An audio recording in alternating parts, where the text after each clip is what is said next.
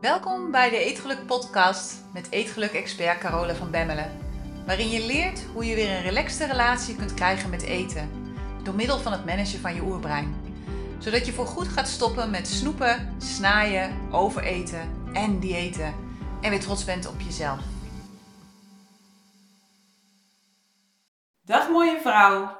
Het is weer tijd voor een rondje highlights. En iedere keer als ik die highlights maak, dan ga ik eigenlijk een beetje door de podcasts heen die ik dan, ehm, ja, waar ik een samenvatting van wil, zeg maar. Of waar ik een, een, stukje uit wil halen. En dan denk ik weer, jeetje, wat heb ik toch een fucking goede podcast geschreven. Ja, sorry. Maar dat vind ik echt. En soms vind ik het echt moeilijk om te kiezen ja, welke stukjes ik eruit haal. Welke stukjes we gaan bundelen. En wat ik ook zo gaaf vind, en dat, dat heb ik zelfs nog als ik dat dan allemaal doorkijk en, en weer zie, dat ik gewoon denk van jeetje, ook bij mij blijven er nog kwartjes vallen. herhaling is gewoon ontzettend belangrijk, want je krijgt gewoon niet alles in één keer mee. dat, dat, dat is gewoon, ons brein kan zoveel informatie gewoon niet aan. Dus in deze podcast heb ik weer een aantal uh, gold nuggets, zoals ze het in Amerika noemen, voor je gebundeld. En gaat het over lief zijn en liefde, hè? het verschil daartussen. Het gaat over plannen, waar een heleboel mensen een gruwelijk hekel aan hebben, maar wat je uiteindelijk heel veel vrijheid gaat geven. En het gaat over nog veel meer dingen die allemaal te maken hebben met me first. Dus ik wens je heel veel luisterplezier met de Gold Nuggets van deze week. Tot volgende week.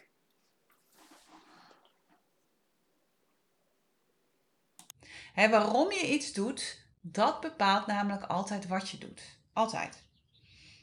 we hebben eigenlijk altijd geleerd om te focussen op wat we doen, om te focussen op het hoe, op hoe we kunnen afvallen, op hoe we rijk kunnen worden, op hoe we die fantastische partner kunnen aantrekken, op wat we wel of wat we beter niet kunnen doen, op wat we wel of wat we beter niet kunnen eten. En als dat dan niet lukt, dat we dan iets niet goed doen. Dat we dan iets anders moeten gaan doen. Maar het punt is dat al onze acties, dus dat al onze hoes en al onze wat, altijd voortkomen uit een waarom. En die waarom, dat is een gedachte. dus de reden waarom je iets doet of niet doet, wordt altijd bepaald door een gedachte die je denkt over een situatie je wilt ofwel ergens vanaf, van een, ja, een kutgevoel of van een lastige situatie of van een vervelende persoon, of je wilt ergens naartoe. je wilt af van een slecht gevoel, maar toe naar een goed gevoel. Dus vrij vertaald betekent dit dat je af wilt van je ex, omdat die zorgt voor een slecht gevoel. Maar je wilt toe naar een nieuwe liefde, omdat dat zorgt voor een goed gevoel. Snap je? Dus de gedachte die je denkt over wat dan ook, die bepaalt hoe je je voelt. En hoe je je voelt bepaalt vervolgens wat je doet en welk resultaat je behaalt.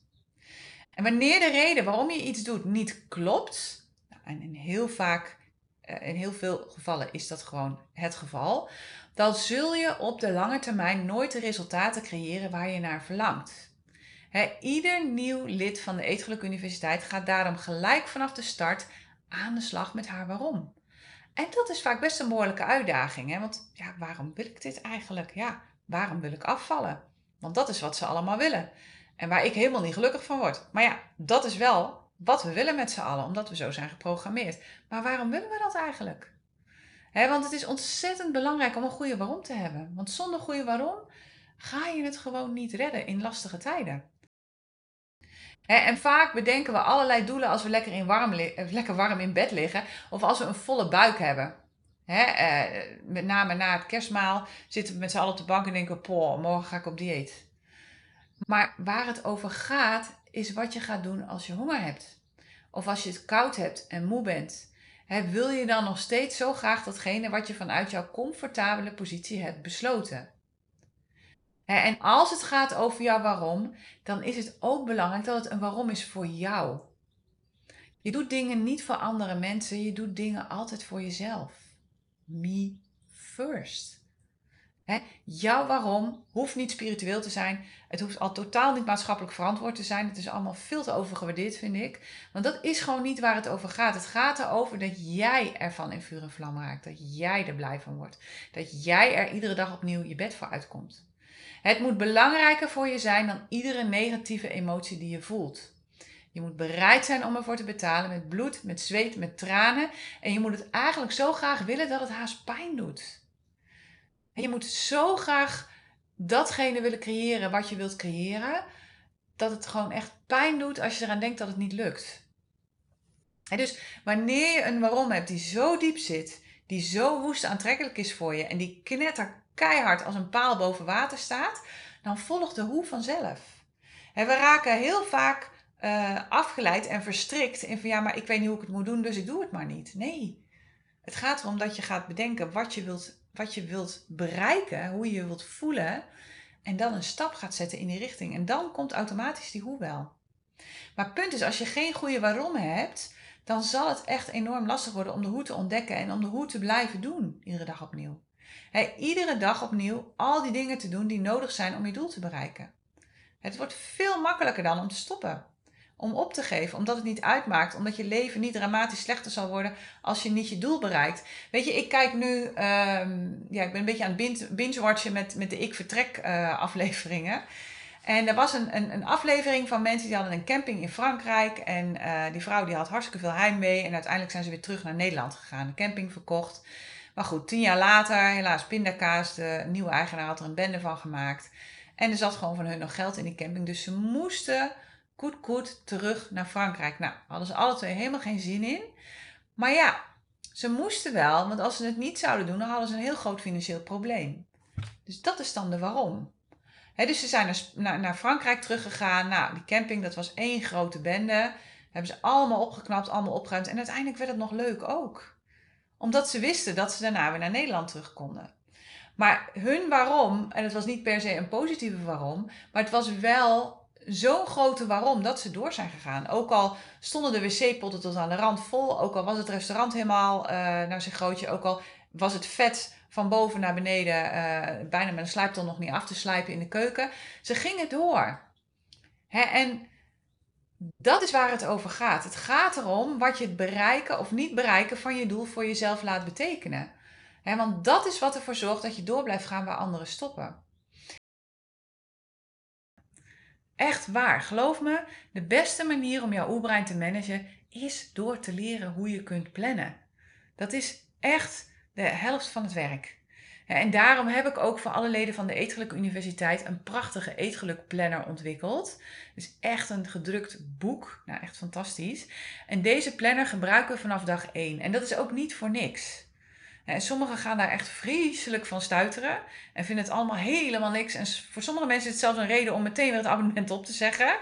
Maar geloof me, ik heb daar echt heel goed over nagedacht. Want ik gebruik een speciaal systeem voor het maken van de dagelijkse planning. En dat leer ik ook aan mijn studenten. Omdat ik weet dat je er zo ongelooflijk van blij van wordt. He, zo vaak krijg ik van hen terug dat ze in eerste instantie helemaal geen zin hadden om ook maar te gaan plannen. Maar dat ze toch zijn gaan doen dat ze toch die uitdaging met zichzelf zijn aangegaan en dat ze nu nooit meer anders willen. juist omdat ze ervaren dat het hen zo ontzettend veel brengt en zo enorm goed helpt om de focus vast te kunnen houden. En omdat het heel veel rust creëert in je hoofd. En natuurlijk gaat het in de Eetgeluk Universiteit in de eerste plaats over eten. En eigenlijk dat is ook niet waar. Het gaat eigenlijk over de relatie met jezelf. Maar weet dat de kunst van plannen echt op alle gebieden in je leven toegepast kan worden. Hè? Nou, veel mensen zullen dit waarschijnlijk al doen voor hun financiën, maar je kunt het ook doen voor je vrije tijd, voor je werk, voor je projecten, voor de dingen die je kinderen allemaal moeten doen. Je kunt rustmomenten voor jezelf inplannen. Je kunt je studietijd inplannen, vakantie plan je vaak in.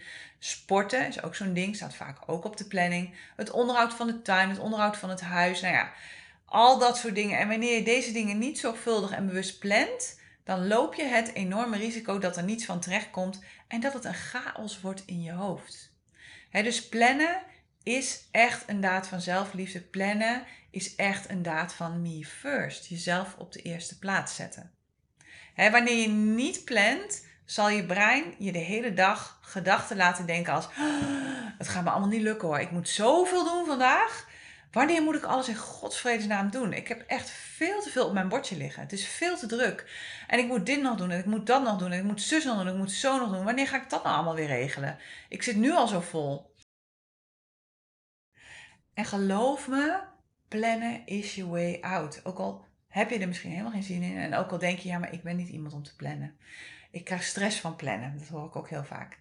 Plannen is de enige manier om echt rust in je brein te krijgen en grip te krijgen op je leven. Plannen is je weg naar vrijheid en oprecht kunnen genieten van de dingen die je doet. En het is raar maar waar, maar plannen, juist plannen, echt, luister goed, is de weg naar flexibiliteit en spontaniteit. Bij veel mensen bestaat er echt een enorme weerstand tegen plannen. En dat is zo jammer, want vaak is het gewoon niet terecht. Hè? Want als het dan gaat over plannen, zeggen ze dingen als: ja, maar hey Carola, als ik ga plannen, dan kan ik niets meer spontaan doen. Ik vind het juist fijn om in het moment te leven. Dat is ook zo mooi, hè? Het is echt oerbrein puur zang. Van plannen krijg ik stress. Ik ben veel te druk om te plannen. Ik ga liever gewoon aan de slag. En ik ben niet gemaakt om te plannen. Ik ben liever spontaan. En toch, als je kijkt naar al, al die mensen die succesvol zijn, op wat voor manier dan ook in hun leven, dat zijn allemaal mensen die goed kunnen plannen. Of die iemand om zich heen hebben die goed kan plannen. plannen en consequent doen wat je hebt gepland, betekent namelijk dat dingen gaan veranderen. En dat is natuurlijk ook iets dat je oerbrein niet wil. Ja, jouw oerbrein draait liever iedere dag hetzelfde programma af, omdat het nou eenmaal makkelijker is, omdat het minder energie kost. En begrijp me goed, je oerbrein wil alleen maar dat je je hier en nu goed voelt. Maar ja, daarmee bereik je natuurlijk nooit je doelen. En wanneer je er dan ook voor kiest om niet te plannen, dan kies je ervoor dat er niets verandert en dat alles exact blijft zoals het is. Je oerbrein krijgt daardoor vrij spel en wat er gebeurt is dat je je leven onbewust gaat leven. dat je niet gaat creëren, maar dat je gaat reageren op alles dat voorbij komt. Nou, en als jouw leven op dit moment helemaal perfect is, is dat helemaal geen probleem. Dan moet je vooral zo door blijven leven. Maar wanneer je doelen wilt bereiken, dan zul je echt moeten plannen, anders gebeurt er gewoon niks. Dan glipt de tijd je door de vingers en voor je het weet is er een dag voorbij, een week voorbij, een jaar voorbij en is alles nog steeds hetzelfde dus wanneer je dingen wilt bereiken, wanneer je nog dromen hebt voor jezelf die je graag zou realiseren, dan gaat het je niet helpen om iedere dag op de automatische piloot te leven. in dat geval zul je jouw mensenbrein moeten gaan gebruiken om je oerbrein en om je tijd te gaan managen. En dat klinkt misschien tegenstrijdig en het klinkt misschien onlogisch, maar wanneer je bewust jouw leven gaat plannen, dan kom je in actie. En daarmee creëer je een enorm positieve spiraal. Want je wordt weer baas over je eigen tijd. Je gaat dingen daadwerkelijk afmaken. Je gaat resultaten bereiken. Je gaat het vertrouwen in jezelf herstellen. Je gaat de verbinding met jezelf herstellen, waardoor je steeds beter gaat voelen wat je wel wil en wat niet goed is voor jou. Je krijgt steeds meer energie. Je creëert het leven dat je graag wilt voor jezelf. En je bent trots op jezelf en op wat je hebt bereikt. Dus je creëert een positieve spiraal door te gaan plannen. En wanneer je gaat plannen, zul je merken dat het misschien tijd kost om de planning te maken. Maar die tijd verdien je dubbel en dwars terug. ik ga iedere maandagochtend ga ik een uurtje zitten, schrijf ik alles op wat ik wil gaan doen en ik plan het in in mijn agenda. En ik plan ook de reistijd in in mijn agenda en ik plan ook pauzes in in mijn agenda. Ik plan het gewoon allemaal in. en het grappige is, ik had de afgelopen maand heb ik voor twee maanden werk in één maand gepropt. Want ja, ik wil uh, in onze verhuismaand wil ik gewoon even de handen vrij hebben. En ik heb tijd over. Ik heb gewoon tijd over. Ik zit nu in de laatste week voor onze verhuizing. En ik ben nu met de laatste dingetjes bezig. En ik heb gewoon tijd over. alles dat je plant, realiseer je veel sneller. En je houdt gewoon tijd over voor al die spontane acties die je graag wil doen. En daar kun je dan weer oprecht van genieten. Omdat je weet dat al die andere dingen klaar zijn of een plek hebben in de tijd waarin je ze oppakt. En wat ook heel fijn is, is dat je een veel beter beeld krijgt van de hoeveelheid tijd die je nodig hebt voor bepaalde activiteiten. dingen die in je hoofd misschien heel lang duren, maar in werkelijkheid misschien maar vijf minuten tijd nemen. En daardoor wordt het ook weer makkelijker om ja of juist nee te zeggen tegen mensen en dingen.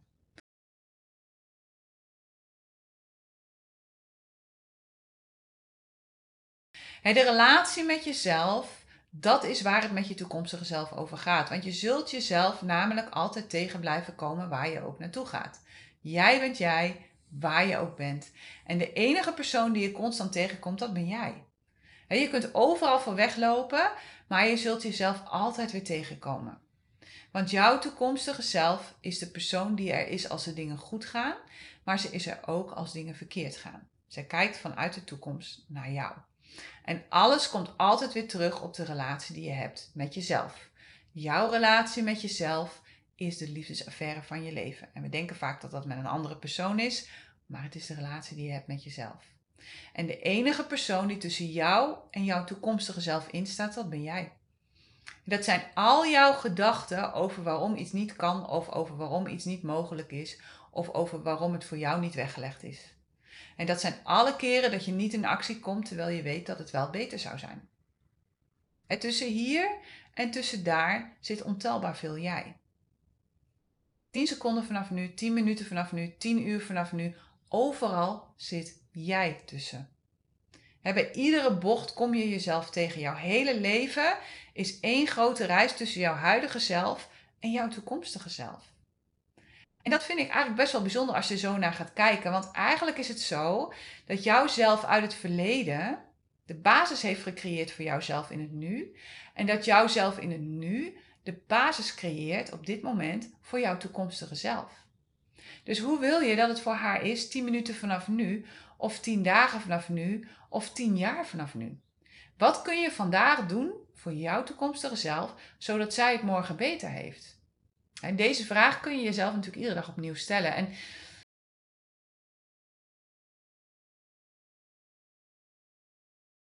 en ik heb echt regelmatig contact met mijn toekomstige zelf. En geloof me, ook jouw toekomstige zelf kan niet wachten om jou te ontmoeten. Want ze is er gewoon. En ze is er gewoon. Iedere keer als ik in de toekomst kijk, dan zie ik haar. En iedere keer als ik droom over de toekomst, dan droom ik over haar. En het begint echt al met hele kleine dingen. Want jouzelf over vijf minuten is ook jouw toekomstige zelf. Stel jezelf eens jouw toekomstige zelf voor morgenochtend. Hoe wil je dat ze zich voelt? Wat moet je daarvoor denken en hoe kun je haar nu al helpen om morgen een fantastische dag te hebben?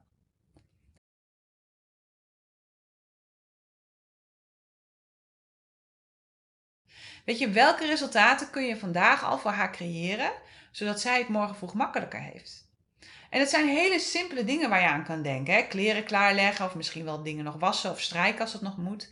Maaltijden plannen en voorbereiden of misschien wel dingen halen die je nodig hebt. Sportspullen klaarzetten, werk voorbereiden. Nou ja, wat wij hier altijd doen voordat we gaan slapen is dat we het aanrecht opruimen en het huis aan kant maken. Dus dat het gewoon netjes is als we s'morgens beneden komen. Maar hetzelfde geldt natuurlijk met het opmaken van je bed. Als je opstaat s'morgens en je maakt je bed op, dan komt jouw toekomstige zelf s'avonds in een opgeruimde slaapkamer met een opgemaakt bed. Hoe fijn is dat? dus welke dingen kun je vandaag al doen zodat zij het morgen makkelijker heeft? Of schrijf haar bijvoorbeeld een lief briefje dat ze morgen vindt. Wat wil je graag horen van iemand anders dat je ook aan jezelf kunt geven? Weet je, schrijf dat op een briefje. Het komt vanuit liefde voor haar en kom niet langer meer vanuit die welbekende schop onder de kont. Dat zit er allemaal nog zo ontzettend in, die schop onder de kont en die stok achter de deur. Ja, weet je, we zijn zo geconditioneerd dat dit een manier is om vooruit te komen, maar dat hoeft helemaal niet. Er is gewoon alleen maar jouw huidige jij. En die doet haar best om de dingen die ze doet zo goed mogelijk te doen. En helaas, voor veel mensen doet ze dat onbewust. Maar wanneer je ze bewust gaat doen, wanneer je bewust gaat kiezen wat je gaat doen, dan gaat je leven veranderen. En je brein denkt dat denken dat je uit de bocht bent gevlogen of van de wagen bent gevallen, dat dat een manier is om je te motiveren en om dingen gedaan te krijgen. Maar je kunt er ook voor kiezen om dat vanaf nu niet meer te geloven. Hè? Want juist dat zorgt ervoor dat je harder gaat proberen en harder gaat rennen en nog verder van het gewenste resultaat verwijderd raakt. En jouw huidige zelf veroordelen betekent automatisch dat je ook jouzelf uit het verleden veroordeelt. En het betekent dat je geen ruimte meer hebt om te zorgen voor jouw toekomstige zelf. In plaats daarvan ga je in gevecht met jouw huidige zelf. Zie je dat? Dus jezelf veroordelen veroorzaakt een gedachtenspiraal waar je heel lastig uitkomt. En dat produceert uiteindelijk geen enkel resultaat. Het enige wat het produceert is dat je je steeds rottiger voelt en dus ook steeds jezelf vaster gaat draaien in het verhaal. Dus wat je beter kunt doen als je merkt dat het lastig is om op koers te blijven, is dat je contact gaat maken met jezelf uit de toekomst. En je brein wil je iedere keer maar naar het verleden hebben, naar alles wat niet werkt en, en zien we wel en weet ik het wat. Maar ga eens kijken in de toekomst. Waar wil je naartoe? en dat doe je door jezelf voor te stellen als je je doel hebt bereikt. stel je jezelf voor terwijl je in kleine stapjes onderweg bent naar je doel. bijvoorbeeld je wilt 10 kilo minder wegen, deel dit dan door 4 en deel het daarna weer door 4. En interview vervolgens de verschillende versies van jezelf. Schrijf vragen op die je nu hebt, vanuit je huidige zelf. Waar worstel je mee? Wat is nog niet duidelijk? En beantwoord deze vragen vanuit jouw toekomstige jij.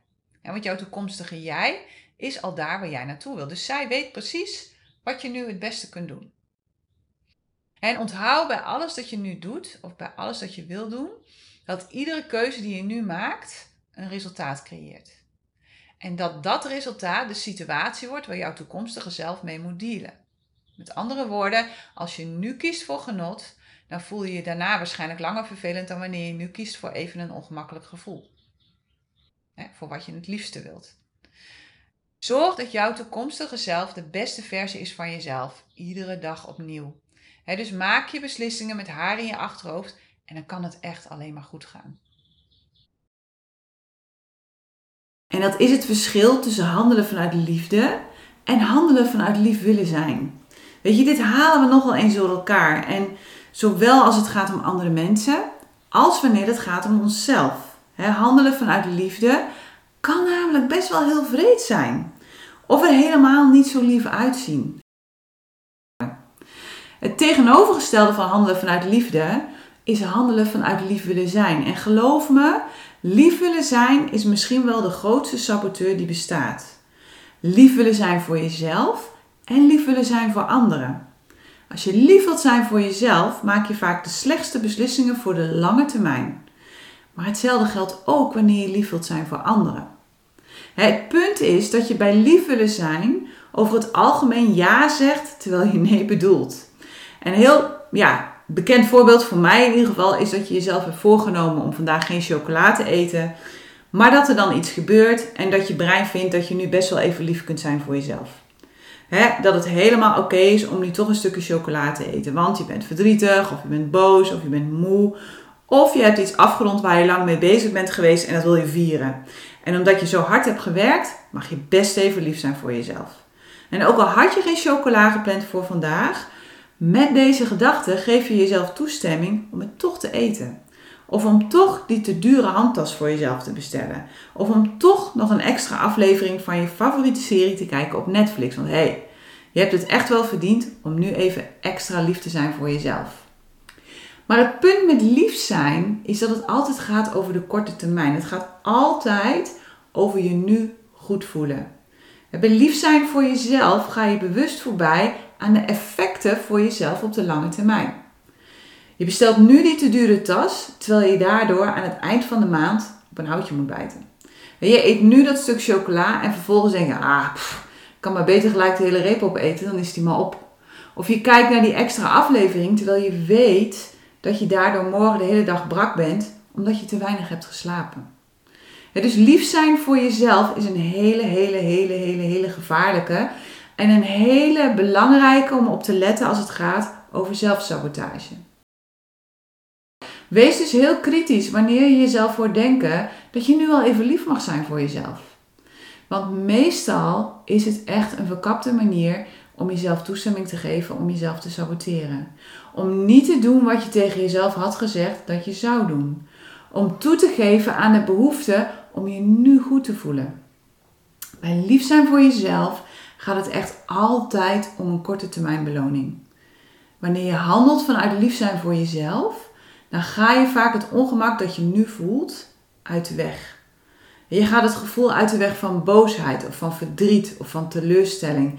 En in plaats van het te voelen, verdoof je het onder het mom van: hé, hey, ik heb het verdiend en ik mag nu best even lief zijn voor mezelf. Ik ben altijd lief voor anderen. Nu ben ik aan de beurt. Nu is het me time. En vervolgens ga je eten of shoppen of Netflixen. En het vervelende is, ergens diep van binnen weet je dat het niet klopt wat je doet. Dus echt ervan genieten kun je ook nog niet eens. En er blijft altijd een beetje zo'n knagerig gevoel achter. Waarvan je denkt van, ah, ik doe dit nu wel, maar eigenlijk, eigenlijk, eigenlijk kan het niet, of eigenlijk is het niet handig, of eigenlijk had ik wat anders bedacht voor mezelf. Dus wanneer je denkt dat je best even lief mag zijn voor jezelf, of wanneer je denkt dat je het hebt verdiend, onderzoek dan eerst of het niet gaat om een korte termijn beloning. Om iets dat je wilt gebruiken om jezelf te verdoven. En waarschijnlijk zul je dan heel vaak tot de conclusie komen dat je brein een dubbele agenda heeft. Nou, dan is er, naast lief zijn voor jezelf, is er ook nog iets anders. En dat is lief willen zijn naar andere mensen. En vooral wij vrouwen zijn hierin erg goed. Wij zijn hierin, mwah, ik denk wel wereldkampioenen. Ook ondergetekenen, niets menselijks is mij vreemd. En dat is linkersoep. En mijn hele leven lang heb ik dingen gedaan uit de behoefte om aardig gevonden te worden. Ik ben als kind, maar zeker ook als jongvolwassene, ontzettend veel gepest en buitengesloten. En pleasen en dingen doen omdat het zo lullig is om nee te zeggen, of omdat ik er graag bij wil horen, of omdat ik bang was dat mensen mij arrogant zouden vinden. Dat is een soort van tweede natuur van me geworden. En inmiddels weet ik wel dat dit gedrag voortkomt uit de behoefte om aardig gevonden te worden. En dat dat weer vooral voortkomt uit angst. Maar ja, het is toch iets wat niet handig is. dus dingen doen voor anderen in de hoop om lief of aardig gevonden te worden, zodat je van jezelf kunt houden, is niet handig. en het punt is ook, er is een enorm verschil tussen het doen van dingen vanuit liefde voor jezelf of het doen van dingen om lief gevonden te worden door anderen. En wanneer je dingen doet vanuit liefde voor jezelf, wanneer je gezonde grenzen zet uit liefde voor jezelf, dan is dit ook altijd goed voor de ander. Maar wanneer je dingen doet omdat je lief gevonden wilt worden, dan beschadig je hiermee niet alleen jezelf, maar ook de ander. En je houdt zowel jezelf als de ander voor de gek. Want je bent dan niet oprecht in de dingen die je doet. Wat je doet is dat je de ander gebruikt om van jezelf te kunnen houden. En als die ander dan niet reageert op de manier die jij nodig hebt, hè, bijvoorbeeld dat die ander geen dankbaarheid toont, dan word je boos. Hè, dus handelen vanuit lief zijn is een onbewust controlemiddel, is een onbewust manipulatief middel dat wij vrouwen vaak gebruiken.